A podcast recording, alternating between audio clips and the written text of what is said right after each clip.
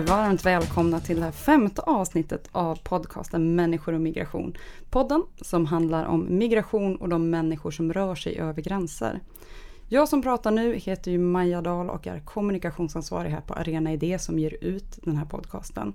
Idag ska vi prata om hbtq-personers asylprocess. I vanliga fall så brukar jag ha två personer med mig men både Lisa Pelling och Ignacio Vita som i vanliga fall är med har fått förhinder så istället så har vi en av Sveriges främsta experter på ämnet, asylrättsjuristen och RFSLs offentliga biträde för hbtq-asylsökande, Aino Gröndahl med mig.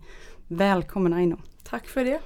Kul att du kunde vara med här, vi är jätteglada att du Ja men det känns jätteroligt att vara med. Ja, kan inte du berätta lite grann vad du gör kring de här frågorna på RFSL?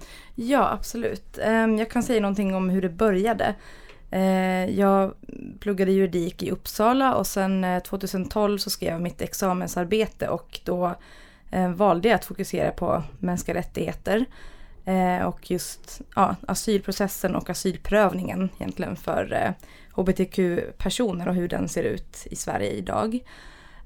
Och det var som sagt 2012. Ehm, och efter att det hade publicerats då, mitt examensarbete, så ganska, ja, i princip direkt efter det så började jag få förfrågningar om att bli ombud för personer eh, som sökte asyl i Sverige på grund av sexuell läggning eller könsidentitet.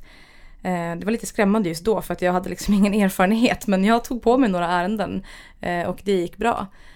Och sen ganska snart efter det så blev jag offentligt biträde. Ehm, och det innebär alltså att Migrationsverket kan förordna mig åt en person som har kommit till Sverige ehm, som söker asyl. Så. Um, och RFSL har jag varit engagerad i väldigt många år. Uh, jag brukar säga att jag känner mig rätt gammal i de här sammanhangen men det, det är 12 år nu. Jag blev engagerad först i RFSL Ungdom när jag var runt 16 eh, någonting. Uh, och idag, ja det är 12 år sedan. Mm. Och nu är jag anställd då på RFSL som eh, asyljurist och eh, ja, fortfarande då offentligt biträde för hbtq-personer som söker asyl. Och då jobbar du mycket ihop med RFSL-gruppen Newcomers? Exakt, som, ja. ja. det är mina kollegor. Ja. Så vi jobbar väldigt nära. Um, RFSL Newcomers har hand om med den liksom sociala biten, um, ja, skapa mötesplatser för hbtq asylsökande och även personer som, ja, som inte har papper som tvingas leva gömda och sen personer som har fått uppehållstillstånd och så att det är en väldigt varierad grupp Eh, av personer helt enkelt som har olika erfarenheter av asylprocessen. Eh, och jag har då hand om den liksom, juridiska biten. Så. Mm. Så om man är en privatperson i Sverige som vill hjälpa just den här gruppen asylsökande så är det kanske newcomers man ska vända sig till och fråga vad det är som behövs? Absolut. Eh, det finns väldigt många eh, volontärer som på olika sätt engagerar sig i newcomers och det är extremt värdefullt och det kan jag säga från mitt liksom, juridiska perspektiv också. Att de av mina klienter som har till exempel en kontaktperson som är knuten till newcomers det är väldigt värdefullt. För det är något som inte jag riktigt kan erbjuda liksom, ja, sociala sammanhang och mötesplatser utan jag har liksom, ja, som sagt hand om den juridiska delen, skriva inlagor och sitta med i Migrationsverkets eh, utredningar och så.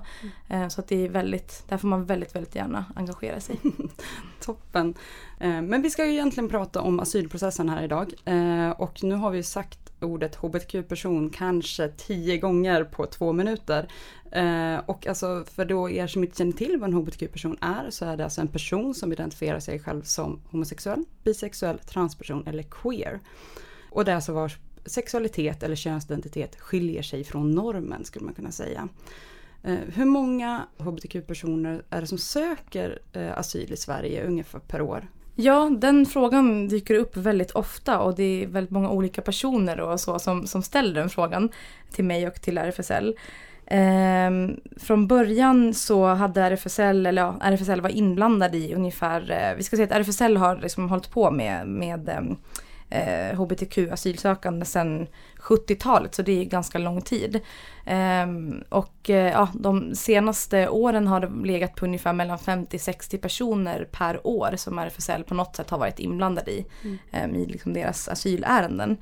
Uh, och just nu så är jag personligen inblandad i, skulle jag säga, omkring 50 ärenden. Um, och det, ja, det har skett, jag skulle säga att det har skett en fördubbling, uh, minst. Eh, men det som jag tycker är viktigt att lyfta upp här är att jag och RFSL har efterfrågat statistik från Migrationsverket i rätt många år nu. För att jag till exempel tycker att det vore väldigt viktigt att se liksom hur många personer som åberopar eh, sin sexuella läggning och eller könsidentitet och eller sitt könsuttryck som asylskäl. Ehm, och också kunna följa upp att hur många procent beviljas asyl och så vidare. Ehm, men vi har ja, än så länge inte lyckats med det. Ehm, Migrationsverket har inte någon sån statistik tyvärr så att det hoppas jag väl ska kunna ske i framtiden men vi får se. Så att man vet helt enkelt? Nej, man vet inte. Det enda mm. vi vet med liksom, säkerhet är att det, um, att det har ökat kraftigt, mm. verkligen. Mm. Vad skulle du säga, vi har liksom tidigare pratat om asylprocessen och hur den går till i, i den här podden. Hur skulle du säga att, att den processen i sig skiljer sig just för en hbtq-person? Um, ja, alltså jag har ju bara haft hbtq-ärenden så att jag har liksom inte erfarenhet så mycket av um, ja, andra ärenden helt enkelt. Um, och alla asylskäl ska ju prövas um, på samma sätt så att säga. Alltså alla, oavsett vilket asylskäl en person åberopar uh, så ska man ju ge personen en ja, bedömning, man ska göra en asylutredning hos Migrationsverket um, och så vidare. Men det som kanske är speciellt för just hbtq-personer är att det är ofta extremt svårt för personer att prata eh, om sin sexuella läggning eller köns, eh, könsidentitet. Eh, och det är väldigt, alltså jag, jag har tänkt ganska ja, många år nu att det, jag upplever det som att det ställs ganska höga krav på hbtq-personer. Ehm, just det här med att som sagt man får en utredning, en asylutredning när man kommer till Sverige eh, och att man då väntas ehm, berätta om sina asylskäl såklart men att man förväntas ehm, på ett väldigt detaljerat sätt prata om sin sexuella läggning och eller sin könsidentitet och könsuttryck. Det vill säga inom ramen då för den här eh, bedömningen om man har gjort sannolikt att man är hbtq-person. Eh, och jag kan tycka att det ställs ganska höga krav på Alltså att man ska vara väldigt detaljerad och man, ska, man förväntas beskriva sina, sin inre process som är tyvärr det vanligaste, avslags, eh, ja, det vanligaste avslagsmotiveringen som jag ser eh, idag.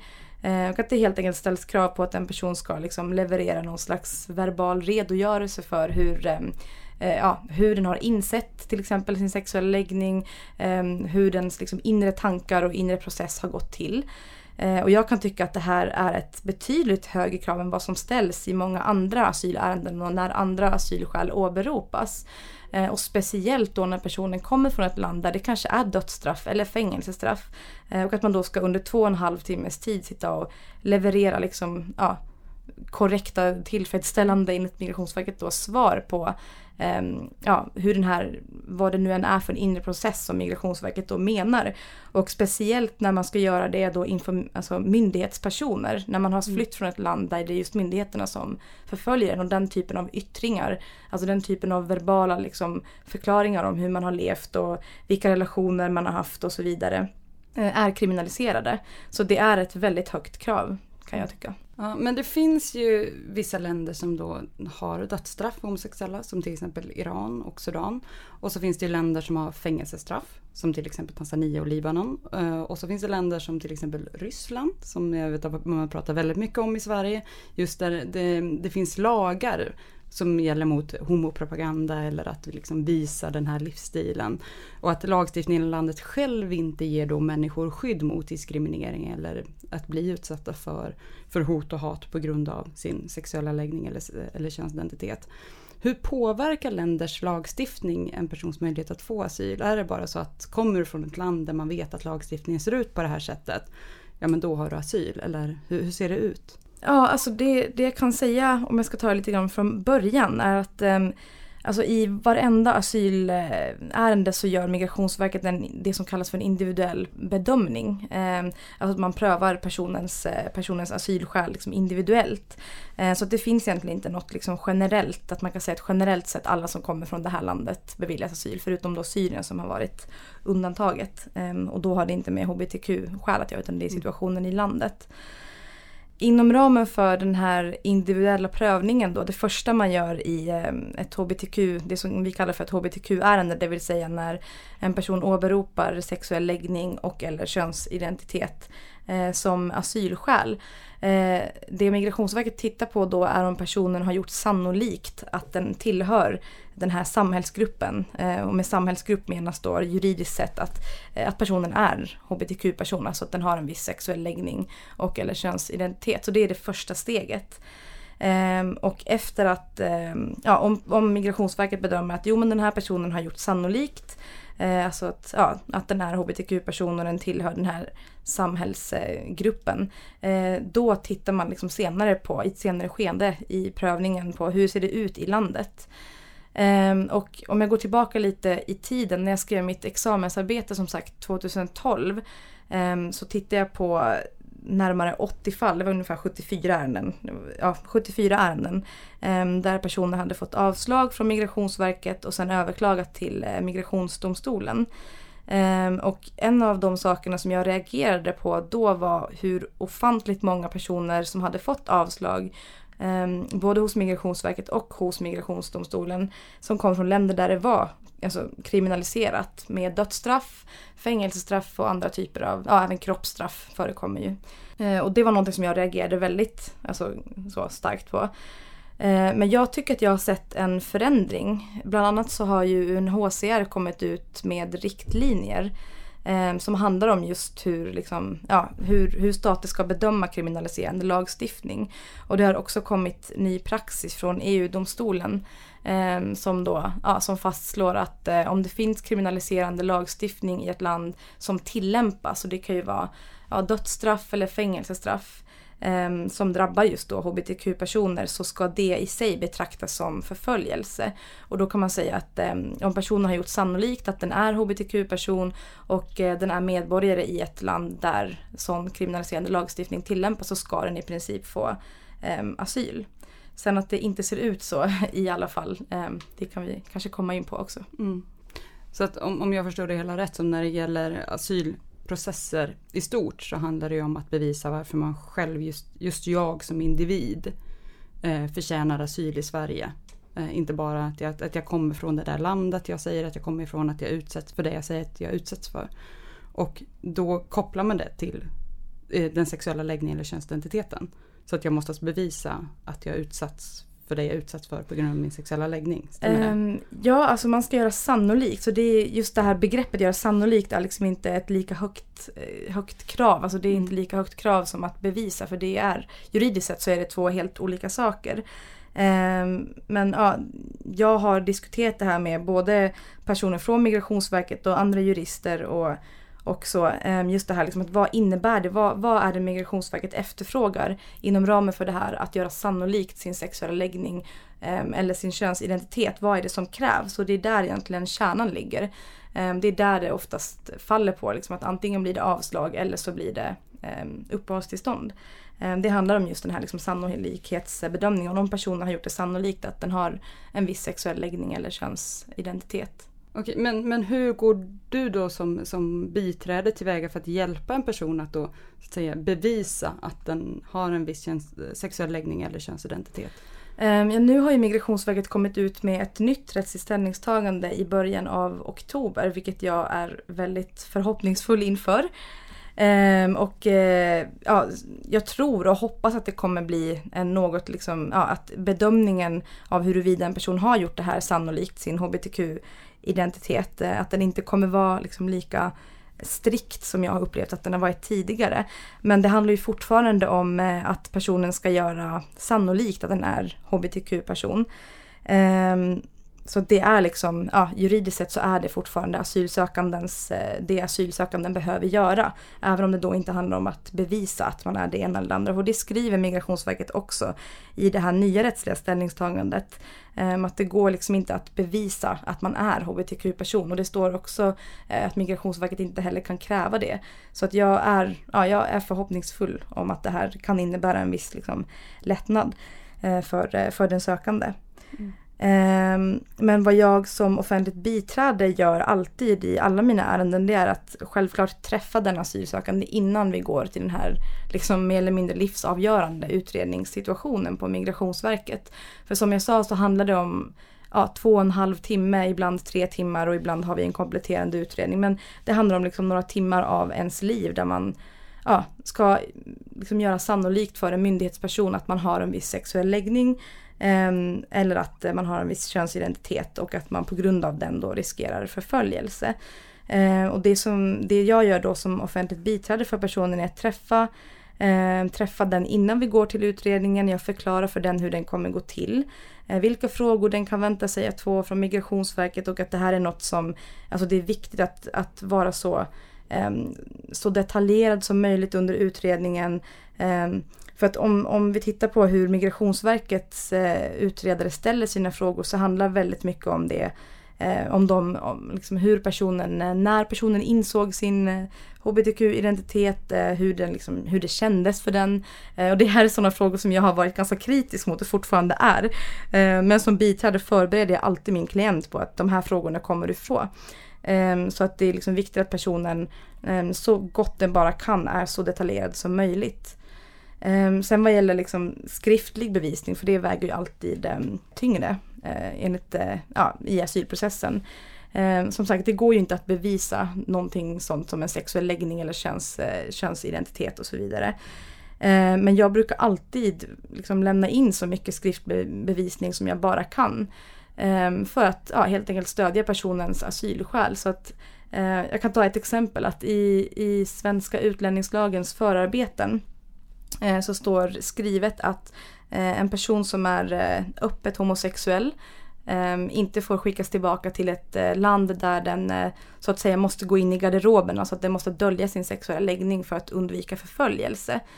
Ehm, så att om jag har en klient då ehm, som eh, ja, som kanske har liksom deltagit i Pride, den är väldigt öppen med att den liksom, ja, deltar kanske i asylforum som RFSL ordnar under Stockholm Pride eller att den eh, ja, är med i media. Liksom, det finns, jag har flera personer som är liksom kända hbtq-aktivister som har tvingats söka asyl för att de är så öppna eh, med sin liksom, egna hbtq-identitet men också sitt eh, aktivistarbete.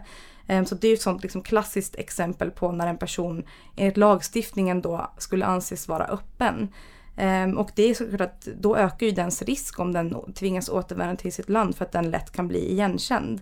Så att i sådana fall kan jag väldigt enkelt eh, ta fram artiklar som den kan ha publicerats i eller om den finns med på något liksom, YouTube-klipp eller vad det nu kan handla om. Eller om det finns bilder på den på, på nätet och så vidare. Ehm, så det är ett sådant eh, exempel. Eh, sen håller jag inte med om hur lagstiftningen är skriven men ja, rent mm. konkret så ser det ut så här. Mm, för, för, i ditt examensarbete så lyfter du att just det finns en öppenhetskrav och att man ska manifestera eh, sin identitet eller sin läggning. Va, vad innebär egentligen det här med att manifestera? Ja, det är ju det som är frågan. Eh, och det, det, här, just ordet eh, manifestera har eh, funnits med i Migrationsverkets tidigare rättsliga ställningstagande och det Eh, ingick i ett, alltså just det ordet ingick i ett av de här stegen. Det finns olika steg i det här rättsliga ställningstagandet. Ehm, som Migrationsverket går igenom när man prövar ett eh, hbtq-ärende. Ehm, och eh, det bygger ju också då på förarbetena till utlänningslagen där det just handlar om det här med att huruvida en person lever öppet eller dolt och har gjort det tidigare och huruvida den lever öppet eller dolt i Sverige kan få betydelse för riskprövningen. Ehm, till exempel står i förarbetena att en person som har levt dolt hela sitt liv och endast berättat Ehm, det liksom verkliga förhållandet för migrationsmyndigheterna. Ehm, att i de fallen kan risken för förföljelse anses vara minimal eller till och med utesluten. Och det här tänker jag är extremt. Det är nästan som att att det liksom ställs ja, men någon sorts krav på att personen måste på något sätt leva öppet för att den ska finnas en risk för förföljelse. Och det tycker jag är liksom absurt. Eh, och det jag har varit kritisk till hittills är att det finns ingen definition på liksom, vad är att vara en öppen homosexuell person. Vad är det? Hur är en transperson öppen? Liksom, vad, och vad är att manifestera? Eh, och nu i det här nya rättsliga ställningstagandet från Migrationsverket så ser jag att det ordet har tagits bort. Jag är väldigt glad och väldigt liksom, förväntansfull inför att se hur, eh, ja, hur det kommer tillämpas och hur, hur bedömningarna blir från och med nu. Mm. Men så tidigare så har det liksom verkligen funnits ett krav på manifestering och det har stått jag, uttryckligen? Jag har tolkat det så. Det står mm. inte uttryckligen att personen måste leva öppet men det, det står i både förarbetena och ehm, ja, i Migrationsverkets tidigare rättsliga ställningstaganden då ehm, att det får alltså, väldigt stor betydelse huruvida personen lever öppet ehm, för då risk, eh, riskbedömningen. Och jag har också sett i till exempel domar från migrationsdomstolarna eh, att man har tolkat det här, eh, det här begreppet leva öppet som homosexuell. Och man har satt liksom likhetstecken mellan det begreppet och att, och det här, nu citerar jag, mer eller mindre regelbundet träffa andra homosexuella. Och om det är så det tolkas att leva öppet som homosexuell, det är ju, det är ju absurt. Eh, och också då liksom någon slags förväntan på att eh, hbtq-personer eh, deltar i pride, pride och liksom parader och så vidare. Och återigen, det är ju verkligen inte alla personer som som vill och eh, faktiskt såklart i Sverige också att de inte vågar. Mm. Eh, och vi har inte RFSL-avdelningar överallt i landet heller. Och speciellt nu med, med boendesituationen för asylsökande som den ser ut. Eh, det är ju, de flesta personer blir ju placerade någonstans där det verkligen inte finns tillgång till till exempel liksom en RFSL-avdelning. Så att ja, mm. jag hoppas verkligen att i fortsättningen så är inte det liksom ett krav. så. Och man kan ju också se att det kan finnas en, en, en, barriär att kliva över. Att om jag kommer från ett land där det, det är dödsstraff för att vara homosexuell eller transperson och sen kommer jag till ett land där jag vet att det inte är så men att våga visa det om man inte får stanna kvar. Om man mm. inte vet att man får stanna kvar. Exakt. Att ehm, det i sig kan vara knöligt. Liksom. Absolut. Och det är väldigt många personer som, eh, som kommer till oss och hör av sig till RFSL um, och att de har fått avslag för att de inte har vågat helt enkelt um, alltså berätta för sin, eh, sin advokat eller för Migrationsverket om sin hbtq-identitet och att det är liksom den, huvudsakliga anledning, den huvudsakliga anledningen till att de har tvingats eh, fly. Eh, och det, det, är ganska vanligt fortfarande. Eh, och det här har ju Migrationsverket fastslagit att det just det faktumet att en person berättar om sin hbtq-identitet eh, sent i processen eller till och med efter att den har fått eh, avslag. Att det i sig inte får inne, innebära att dens trovärdighet eh, minskar. Ehm, så. Nu, nu, innan lyfte du lite grann också om det här med just att manifestera att det innebar att, att också umgås med personer som då var hbtq-personer. Eh, dels läst lite grann om tillskriven sexuell läggning, att du anses vara en hbtq-person men att du kanske inte är det. Men att just för att du umgås i de mm. grupperna kan också råka ut för samma sorts förföljelse som en person som är hbtq-person. Vad, vad, spelar det för roll om du är hbtq-person eller bara ses som hbtq-person eh, i själva asylprocessen här i Sverige? Kan det vara så att du som då hetero men ses som hbtq-person i ditt hemland eh, kan få asyl i Sverige på grund av den förföljelse du utsatts för? Eh, ja, det här är, det finns jättemycket att säga om det här. Ehm, det, kan, det första jag kan säga är att i det här nya rättsliga ställningstagandet då som jag hänvisar mycket till. eh, men där står faktiskt redan i det första eh, steget, eh, enligt de här olika stegen då som Migrationsverket ska göra sin bedömning. Eh, det står att eh, eh, ja, att, att Migrationsverket ska bedöma om den sökande har gjort sin tillhörighet till gruppen och med gruppen så menas då gruppen hbtq-personer eh, som riskerar förföljelse på grund av faktisk eller tillskriven sexuell läggning, könsidentitet, eh, eh, könsöverskridande identitet eller könsuttryck. Eh, och om personen då har gjort den tillhörigheten till gruppen sannolik. Och eh, ja, där står som sagt då uttryckligen då att det handlar om faktisk eller tillskriven ehm, hbtq-identitet. Um, och ja, det är ju så lagstiftningen är skriven och även internationell lagstiftning erkänner ju det. Att det kan också handla om ja, till exempel en tillskriven sexuell läggning. Att det är omgivningen som uppfattar personen på ett visst sätt. Um, och att därför ja, förföljer personen helt enkelt. Uh, och samma sak gäller även i till exempel politiska Eh, när det gäller politiska asylskäl att om en person eh, uppfattas tillhöra ett visst politiskt eh, parti och så vidare så ska det i sig kunna räcka för att bevilja personen asyl om den riskerar förföljelse på grund av, på grund av det.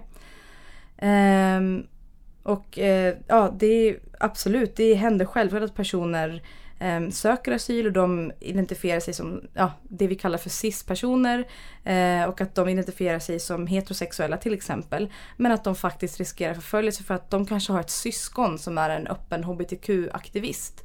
Eh, och att de ja, är lika till utseende till exempel och att eh, då syskonet blir ja, till exempel utsatt för misshandel så fort de visar sig utomhus för att personen misstar den för att vara ja, syskonet. En sån, mm. ett sånt liksom fall.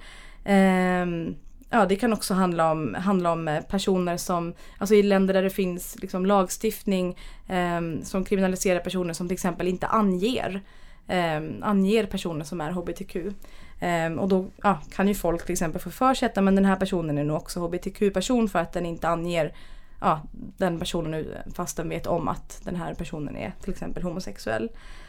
Um, så att det händer, absolut. Mm. Ehm, jag vet att du har pratat innan om hur Dublinförordningen också kan påverka asylprocessen för hbtq-personer på ett väldigt specifikt sätt. Kan inte du berätta lite grann för lyssnarna om det?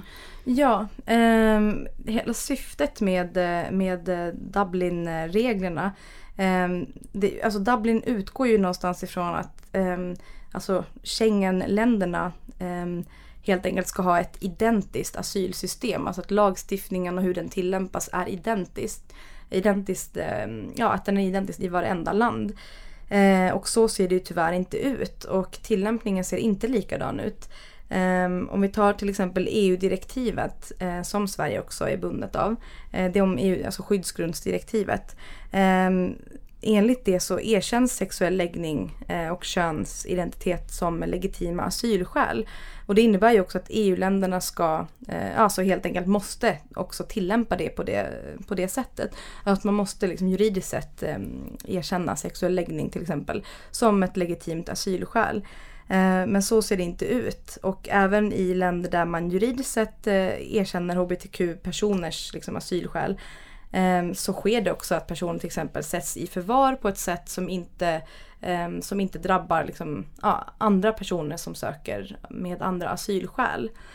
Um, och ja, jag och RFSL har varit kritiska till att Sverige faktiskt inte gör undantag från Dublinförordningen om det är tydligt att det, person, alltså det land som en person skulle avvisas till i enlighet med Dublinförordningen inte erkänner hbtq som ett asylskäl, antingen juridiskt eller i praktiken.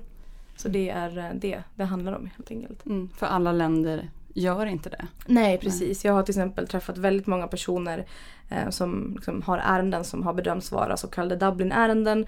Där de beskriver att de har blivit utsatta för, att de har blivit tagna i förvar, de har blivit hånade, i värsta fall utsatta för fysiska övergrepp av myndighetspersoner. Eh, det finns även rapporter eh, från till exempel ILGA Europe ehm, där man också har eh, ja, tagit fram liksom statistik på eh, hur, personer, ja, men hur personer blir bemötta i, i olika faktiskt EU-länder. Eh, ett exempel var för några år sedan eh, där man hade tagit fram en, en eh, rapport ehm, på hur hbtq-personer blir mötta i, bemötta i asylprocessen i olika EU-länder. Och ehm, i det fallet så hade man kommit fram till att i Polen så var man tvungen att genomgå någon slags, eh, alltså man fick träffa en psykolog uh, som då skulle på något sätt avgöra huruvida personen var hbtq-person eller inte och det här var man då tvungen att genomgå. Um, och nu har man tydligen kommit fram till att det inte är okej. Okay, Men vi vet ju fortfarande inte om, om det här sker i praktiken. Mm. Så det är ett sånt exempel. En sån sak som gäller i eh, asylprocessen i stort är ju att man bedömer möjligheten till eh, internflykt. Att du kan, alltså kan fly och få skydd innan, inom landet. Är det samma sak för hbtq-personer? Eh, ja, det är, samma, det är samma sak. Alltså att man gör en bedömning av huruvida personen, eh, trots att den då eh, man kommer fram till från Migrationsverkets sida till exempel att jo men den här personen eh, löper risk för förföljelse på grund av sin sexuella läggning eller eh, könsidentitet. Ehm, men att den risken är liksom begränsad till ett visst område i landet. Ehm, och då kan man komma fram till från Migrationsverkets sida att om personen bosätter sig på en annan ort, eh, alltså internt då i, i liksom landet ehm, så kan den få eh, skydd där. och det var också en sak som jag reagerade på i, i mitt examensarbete när jag gick igenom de här ja, den här stora mängden fall då att det var förvånansvärt många ärenden eh, där man också hade hänvisat till myndighetsskydd. I, ehm, alltså att, att personen kunde få skydd av myndigheterna. Eh, och det förekom även i fall ehm, ehm, där man då hade tittat på att, eh, ja men kommit fram till, jo men den här personen har berättat att den har blivit förföljd, den kanske har blivit utsatt för husrannsakan i väldigt många fall. Jag kan ta ett exempel, det var en person, en ganska känd hbtq-aktivist från Vitryssland och eh, både Migrationsverket och Migrationsdomstolen hade kommit fram till att, eh, att den hade gjort trovärdigt eh, att den hade blivit utsatt för olika typer av myndighetsingripanden i 41 olika eh, vid 41 olika tillfällen. Eh, och det var liksom, det tyckte man att jo men det verkar rimligt att det kan ske i Vitryssland eh, utifrån landinformation som finns. Ehm, men man tyckte då ändå att, eh, att de här myndighetspersonerna, att de hade gjort husrannsakan, att uniformerade poliser hade kommit hem till den här personens hus och gripit den och tagit den till polisstationen och där misshandlat och eh, förhört den. Ehm, man tyckte ändå då att jo men de här poliserna har gjort det här i egenskap av privatpersoner. Så. Ehm, och därför, så, därför så kan du söka skydd från myndigheterna i Vitryssland. Eh, och som jurist då så förstår inte jag om, om uniformerade poliser kommer hem till en person, eh, gör en husrannsakan och tar den till polisstationen. Vad är myndighetsutövning om inte det? Eh, sen har det också funnits ett stort antal ärenden där migrationsmyndigheterna här har hänvisat till att personen eh, ska söka skydd från hemlandsmyndighet, till exempel i Kenya där det alltså är straffbart med samkönade sexuella relationer. Och man har ändå menat att eh, trots att en persons partner till exempel har blivit mördad Eh, Eh, så har man menat att jo men du kan söka skydd från myndigheterna. Eh, och det är alltså samma myndigheter som då kriminaliserar den här personen just för att den är hbtq-person. Ehm, och därför blev jag ja, positivt liksom, överraskad när jag såg i, i det här nya ställningstagandet från Migrationsverket ehm, att man har tagit bort ehm, den här frågan om huruvida en person har försökt få skydd av myndigheterna tid, eh, tidigare i hemlandet. Så det är inte längre ett krav. Så vi hoppas att det kommer att eh, tillämpas nu. För hur troligt är det att man ska kunna få eh, skydd i en annan del av landet? Eh, ja, om det till exempel handlar om kriminalisering så, så ska det ju betraktas som omöjligt. Men det har inte varit tydligt från Migrationsverkets sida, tycker jag. däremot så har UNHCR gått ut i sina riktlinjer för flera år sedan och sagt att om det är kriminaliserat i ett land till exempel att, att ha samkönade eh, sexuella relationer eh, så ska man utgå från att det inte finns myndighetsskydd och att man inte kan antas då kunna eh, bosätta sig på en annan plats i landet. Eh, men det är först nu som jag ser det skrivet i, i Migrationsverkets nya riktlinjer så jag hoppas verkligen att det kommer tillämpas på det sättet nu. Mm. Ehm, vi har tidigare här i podden pratat ganska mycket om normer och föreställningar om vem som är en flykting. Till exempel att en flykting oftast är en man och att det är en man som flyr på grund av politiska skäl. Um, ehm, och att då det drabbar till exempel barn då speciellt i och med att barn då inte då kan anses ha egna asylskäl utan det är bara vuxna politiskt engagerade män som kan ha det. Skulle du kunna säga att, att de här normerna av bilden av flyktingen påverkar asyl, äh, hbtq-personers asylskäl eller asylprocess äh, på ett speciellt sätt? Um, jo, jag har nog erfarenheter av att personer som söker eh, på grund av sin sexuella läggning och, eh, och eller könsidentitet eh, ganska ofta tycks förväntas vara liksom öppna för att det är så otroligt många frågor som ställs under asylutredningarna som just handlar om liksom att hur har du levt? Har du levt dolt? Har du levt öppet? Ehm, jag har nog, ja, jag skulle säga att 90% av alla utredningar jag någonsin har varit med på eh, så får personen frågan att liksom, när träffade du, ehm, när, när förstod du att det fanns andra homosexuella? Ehm, när träffade du för första gången en annan homosexuell person? Och alla mina klienter kan ju inte ens svara på det och jag förstår inte heller själv vilken liksom, relevans den frågan har. Men också att det verkar vara en föreställning att, att personer till exempel ska ha liksom gjort mycket för att söka efter andra hbtq-personer på nätet till exempel. Det är också en vanlig fråga som dyker upp. Att liksom, vad har du gjort? Eh, hur har du gått tillväga för att ta reda på om det fanns eh, andra hbtq-personer? Och, eh, hur har du gått, speciellt i de ärendena då där personen inte har vågat berätta och prata om sin sexuella läggning eller könsidentitet i Sverige. Ehm, alltså den personen kan få ofta då frågor om liksom att, men hur, hur gick du tillväga för att ta reda på eh, att det var att det är accepterat och lagligt i Sverige att vara som du är. Alltså den mm. typen av det, det, det handlar återigen om det här med att det är liksom höga krav som ställs och det tyvärr ofta kan handla om eh, fördomar. Eh, och just transpersoner skulle jag säga är en extremt utsatt grupp liksom i hela det här hbtq-spektrat. Eh, jag har varit på utredningar där, eh, där det har varit liksom uppenbart att eh, personen eh, i fråga, eh, som kanske till exempel inte identifierar sig som man eller kvinna, eh, och att personen i sitt hemland uppfattas vara eh, en homosexuell man till exempel. och då inte lever upp till liksom, normerna i det landet för hur en man måste se ut för att inte bli nedslagen helt enkelt. Så fort den kliver liksom, ut på gatan. Um, och jag har varit i liksom, utredningssituationer där um, utredaren inte förstår alls vad det handlar om. Och att utredaren har liksom, tittat på min klient och sagt att så här, jag, jag förstår inte vad problemet är. Jag tycker inte att du ser speciellt omanlig ut. Och nu citerar jag vad utredaren liksom mm. har sagt. Eller att den tittar på min klients pass och säger att okej okay, men om du ska gå ut på det här sättet i i land X så förstår inte jag vad problemet är. Folk ser ut så här i Sverige och de har inga problem.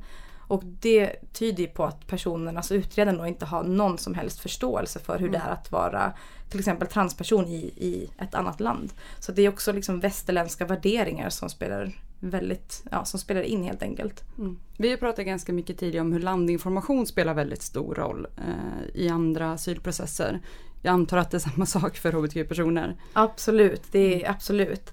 Um, och som sagt, det, det, har kommit nu praxis eh, från EU-domstolen i just eh, ärenden som, eh, som gäller sexuell läggning då som asylskäl. Och nu har EU-domstolen slagit fast att man inte får eh, i asylprocessen, alltså under, under prövningen, man får inte Ehm, ställa frågor som baserar sig på det, på, det som på engelska ehm, domstolen kallar för stereotyped notions. Och det har på svenska tolkats som ja, stereotypa liksom, värderingar eller eh, heteronormativa värderingar. Så det är helt enkelt förbjudet numera att eh, ställa frågor eh, och göra antaganden om eh, personer ehm, som är hbtq helt enkelt utifrån liksom heteronormativa, eh, heteronormativa föreställningar. Men jag tycker fortfarande att det tyvärr händer. Um, till exempel slog EU-domstolen fast att um, man inte får liksom, förvänta sig att bara för att en person åberopar hbtq-skäl så ska den ha full koll på lagstiftningen i landet eller den ska ha full koll på eh, ja, landets eventuella hbtq-organisationer och liksom kunna adresserna till liksom, ja, alltså, så, mm. de hbtq-grupper eller organisationer som eventuellt finns. Eh, men jag ser fortfarande att det händer. Alltså mina klienter får nästan alltid sådana frågor. Att, eh, ja men hur ser lagstiftningen ut i ditt land? Och sen, ja ibland har jag ju klienter som har full koll för att de för att de har kollat upp, de har haft möjligheter. Men sen har jag också klienter som är barn som inte liksom kan läsa, de har inte haft tillgång. Eh, personer som bor i en by där det liksom inte finns något att tala om som heter liksom internet eller böcker. Och även om det finns så hade det varit livsfarligt för personen att liksom ja, att försöka nå eh, det här. Eh, men de får fortfarande frågan då att liksom, ja men hur ser lagstiftningen ut? Okej, varför vet du inte det? Du som hbtq-person borde inte vara intressant för dig att ta reda på det här.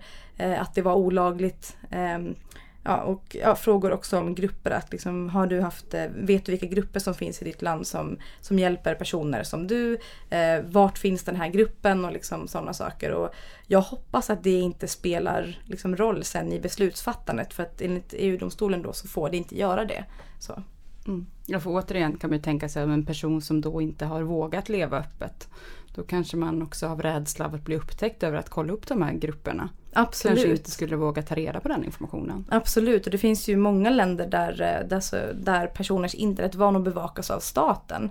Så att det kunde vara direkt livsfarligt. Och jag menar, det finns många liksom ja, till exempel chattforum där, där poliser utger sig för att vara hbtq-personer för, alltså i syfte då för att liksom träffa personen, stämma möta med den eh, och sen arrestera dem på plats. Det är inte ovanligt. Mm. Eh, en, en, annan sak som jag tänkt på inför det här avsnittet nu är att jag, när jag tittar igenom så rapportering och mediebilder kring just de här frågorna så tycker jag att det fokuseras ganska mycket på just homosexualitet. Eh, är det enklare för en homosexuell person att få asyl än till exempel en bisexuell eller en transperson? Vad skulle du säga? Ehm, ja, jag önskar att jag kunde säga nej, men tyvärr så tror jag nog det. För att det är precis um, som, kom upp här, som kom upp här tidigare. att um, Många av liksom, riktlinjerna som finns tillgängliga för att bedöma hbtq-ärenden utgår fortfarande från liksom, ja, en homosexuell mans perspektiv. till exempel så, så är det vanligare, åtminstone i mina ärenden, att det är just en homosexuell man som har flytt och det handlar ju liksom om ja, patriarkala strukturer överlag. Att det är oftast män som, som det kan vara lättare för att resa eh, lagligt eller liksom utan, eh, utan visum till exempel. Eh, än vad det är för en kvinna. Eh, så. Ehm, till exempel och, och transpersoner och att, om man har till exempel ID-dokument, man har ett pass som inte stämmer överens eh, med ens eh, könsuttryck.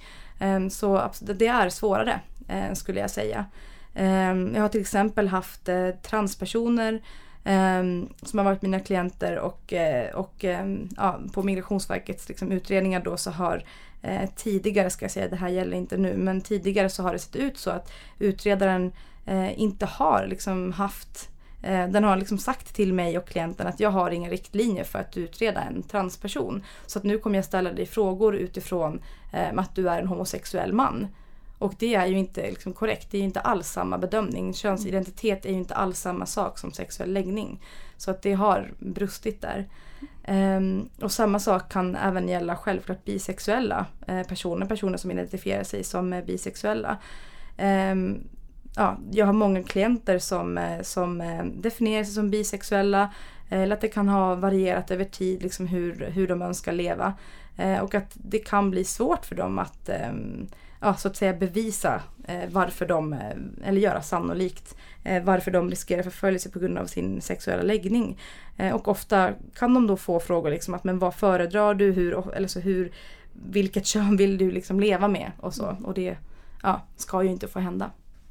Nej, för där hamn kan du väl, eller så som jag förstår då så fastnar man då vid att, att en bisexuell person kan ju leva både samkönat eller med person av annat kön. Ja. Och lever med person av annat kön så då är det ju kanske fine ja, i landet precis. man bor. Och, och principen, grundprincipen är ju att ingen person ska behöva dölja någon del av sin sexuella läggning eller könsidentitet eller könsuttryck som den inte vill eh, dölja. Och det är liksom grund, det är grunden och det är kärnan i, eh, i både internationell lagstiftning och också svensk lagstiftning.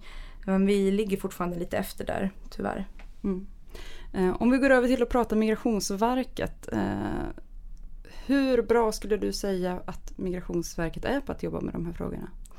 Ehm, jag skulle säga att Migrationsverket har tagit flera steg de senaste åren för att eh, förbättra sin egen kompetens och kunskap i de här frågorna. Ehm, numera så finns till exempel något som kallas för hbtq-specialister. Ehm, och det är lite unikt med just de här ärendena. Att normalt sett så brukar det vara en person som utreder Ehm, och som sen föredrar ärendet för en beslutsfattare. Ehm, så det är två personer inblandade och i de här ärendena så måste en tredje person vara eh, med i liksom beslutsfattandet och det är då en person som är hbtq-specialist som har fått utbildning i de här frågorna. Ehm, så det tycker jag är en väldigt bra sak. Eh, en annan sak är eh, också att Migrationsverket faktiskt, måste jag säga, aktivt deltar i till exempel asylforum som RFSL ordnar varje år på Pride och att de är med i diskussionen. Eh, och jag kan uppleva att, ja, jag har kritiserat Migrationsverket på lite olika punkter ganska friskt senaste åren. Men jag upplever faktiskt att, att jag får gehör för det jag, har, ehm, det jag säger och det, alltså de gånger jag träffar personer. Och då ska jag säga inte i min roll som offentligt biträde utan ja, i liksom mer politiska sammanhang till exempel. Jag upplever verkligen att jag får gehör för det som, eh, eh, som vi har liksom kritiserat Migrationsverket för. Eh, nu senast så var det Domstolsakademin som eh, bjöd in eh, mig och en till person från RFSL för att prata om just hbtq. Så jag hoppas att det här, ja, den här viljan att liksom utbilda eh, personer som jobbar med de här frågorna, domare, att det kommer sprida sig också till migrationsdomstolarna. Skönt att höra. Det börjar bli dags att runda av lite grann men om vi ska sammanfatta det vi har pratat om här idag. Eh, så om jag har förstått det hela rätt så just när det kommer till hbtq-personers asylprocess så hänger väldigt mycket ihop med att du måste kunna göra det troligt att du är en hbtq-person och att i det landet du kommer ifrån så är det en grund till förföljelse och att du också har förföljts på grund av det. Um, det är inte ett kriterium att, att man redan har blivit utsatt för förföljelse. Uh, och det står skrivet i både utlänningslagen och i, i rättsliga ställningstagandet. Så det är inte ett krav, tack och lov. så att det räcker med helt enkelt att det finns en risk? Ja, alltså ja. det är precis. Det är, man gör det som kallas för en framåtsyftande mm. eh, riskbedömning. Så att eh, det personen behöver göra sannolikt är att eh, den tillhör gruppen hbtq-person eh, gruppen hbtq-personer eller att den uppfattas tillhöra gruppen hbtq-personer. Mm. Eh, och att det finns en risk i framtiden för att, den, eh, för att den utsätts för förföljelse på grund av det här. Mm. Um, dock är det så att om, om personen redan har utsatts för förföljelse tidigare så ska man i princip anta att en sån risk fortfarande föreligger i, mm. i framtiden.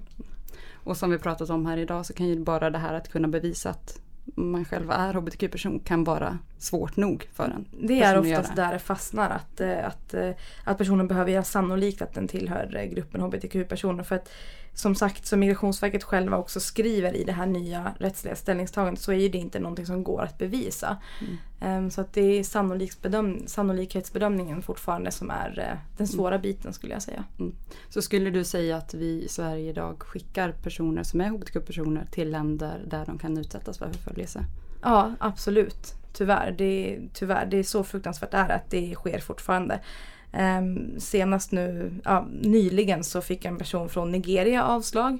Eh, och i Nigeria, i vissa delstater så är det dödsstraff. Eh, det händer fortfarande att eh, ja, personer från diverse olika länder får avslag.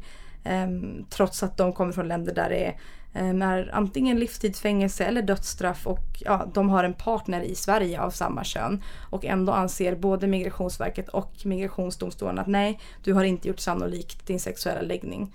Så, så att det är tyvärr. Mm. Om du då fick önska, vad skulle förändras?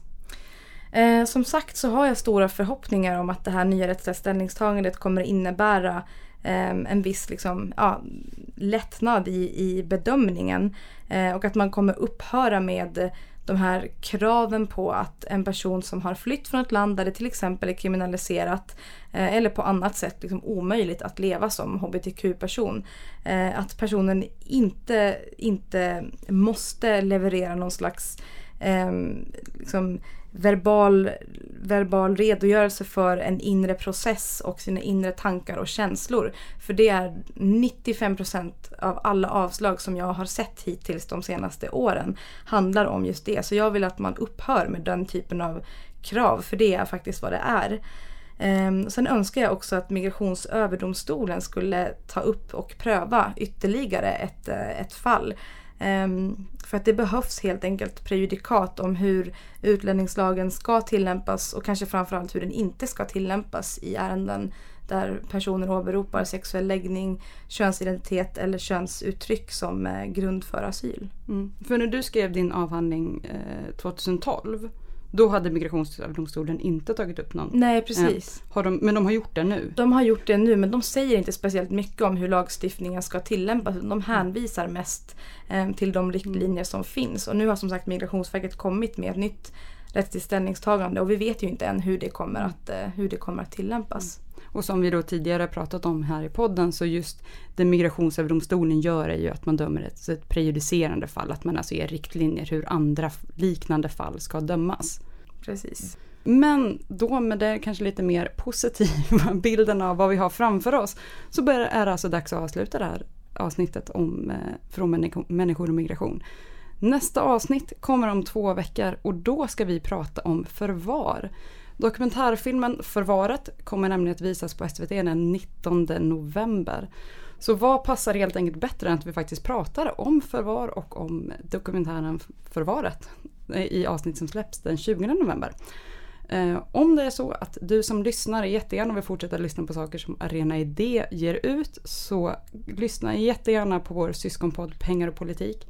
Eller så gå in och lyssna på Arena Play för där släpper nämligen Arena Idé inspelning från seminarier och konferenser som Arena Idé arrangerar. Så gå jättegärna in och lyssna där. Där har vi nu bland annat en föreläsning av Tony Atkinson om ojämlikhet och vad man kan göra åt det. Så gå in och kika på den, den är jätteintressant.